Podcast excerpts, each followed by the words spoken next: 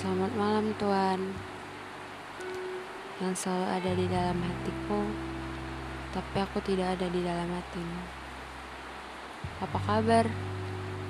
Sudah lama tak melihatmu. Sepertinya kau baik-baik saja. Semoga begitu ya. Karena aku berdoa kau selalu baik-baik saja. Agar kau selalu bahagia Agar kau tidak pernah terluka dan bisa terus memberikan senyum indahmu itu kepada dunia. Malam ini lagi-lagi aku memikirkanmu.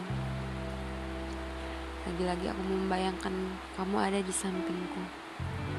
Lagi-lagi aku berharap kamu datang ke mimpiku. Sejujurnya aku sudah lelah dengan perasaan ini. Mengagumi tanpa dicintai. Ingin sekali rasanya mengungkapkan apa yang aku rasakan berbicara padamu bahwa selama ini aku diam-diam mencintaimu. Tapi aku takut. Dan aku tahu itu sulit. Tidak mungkin kamu memberikan respon yang baik.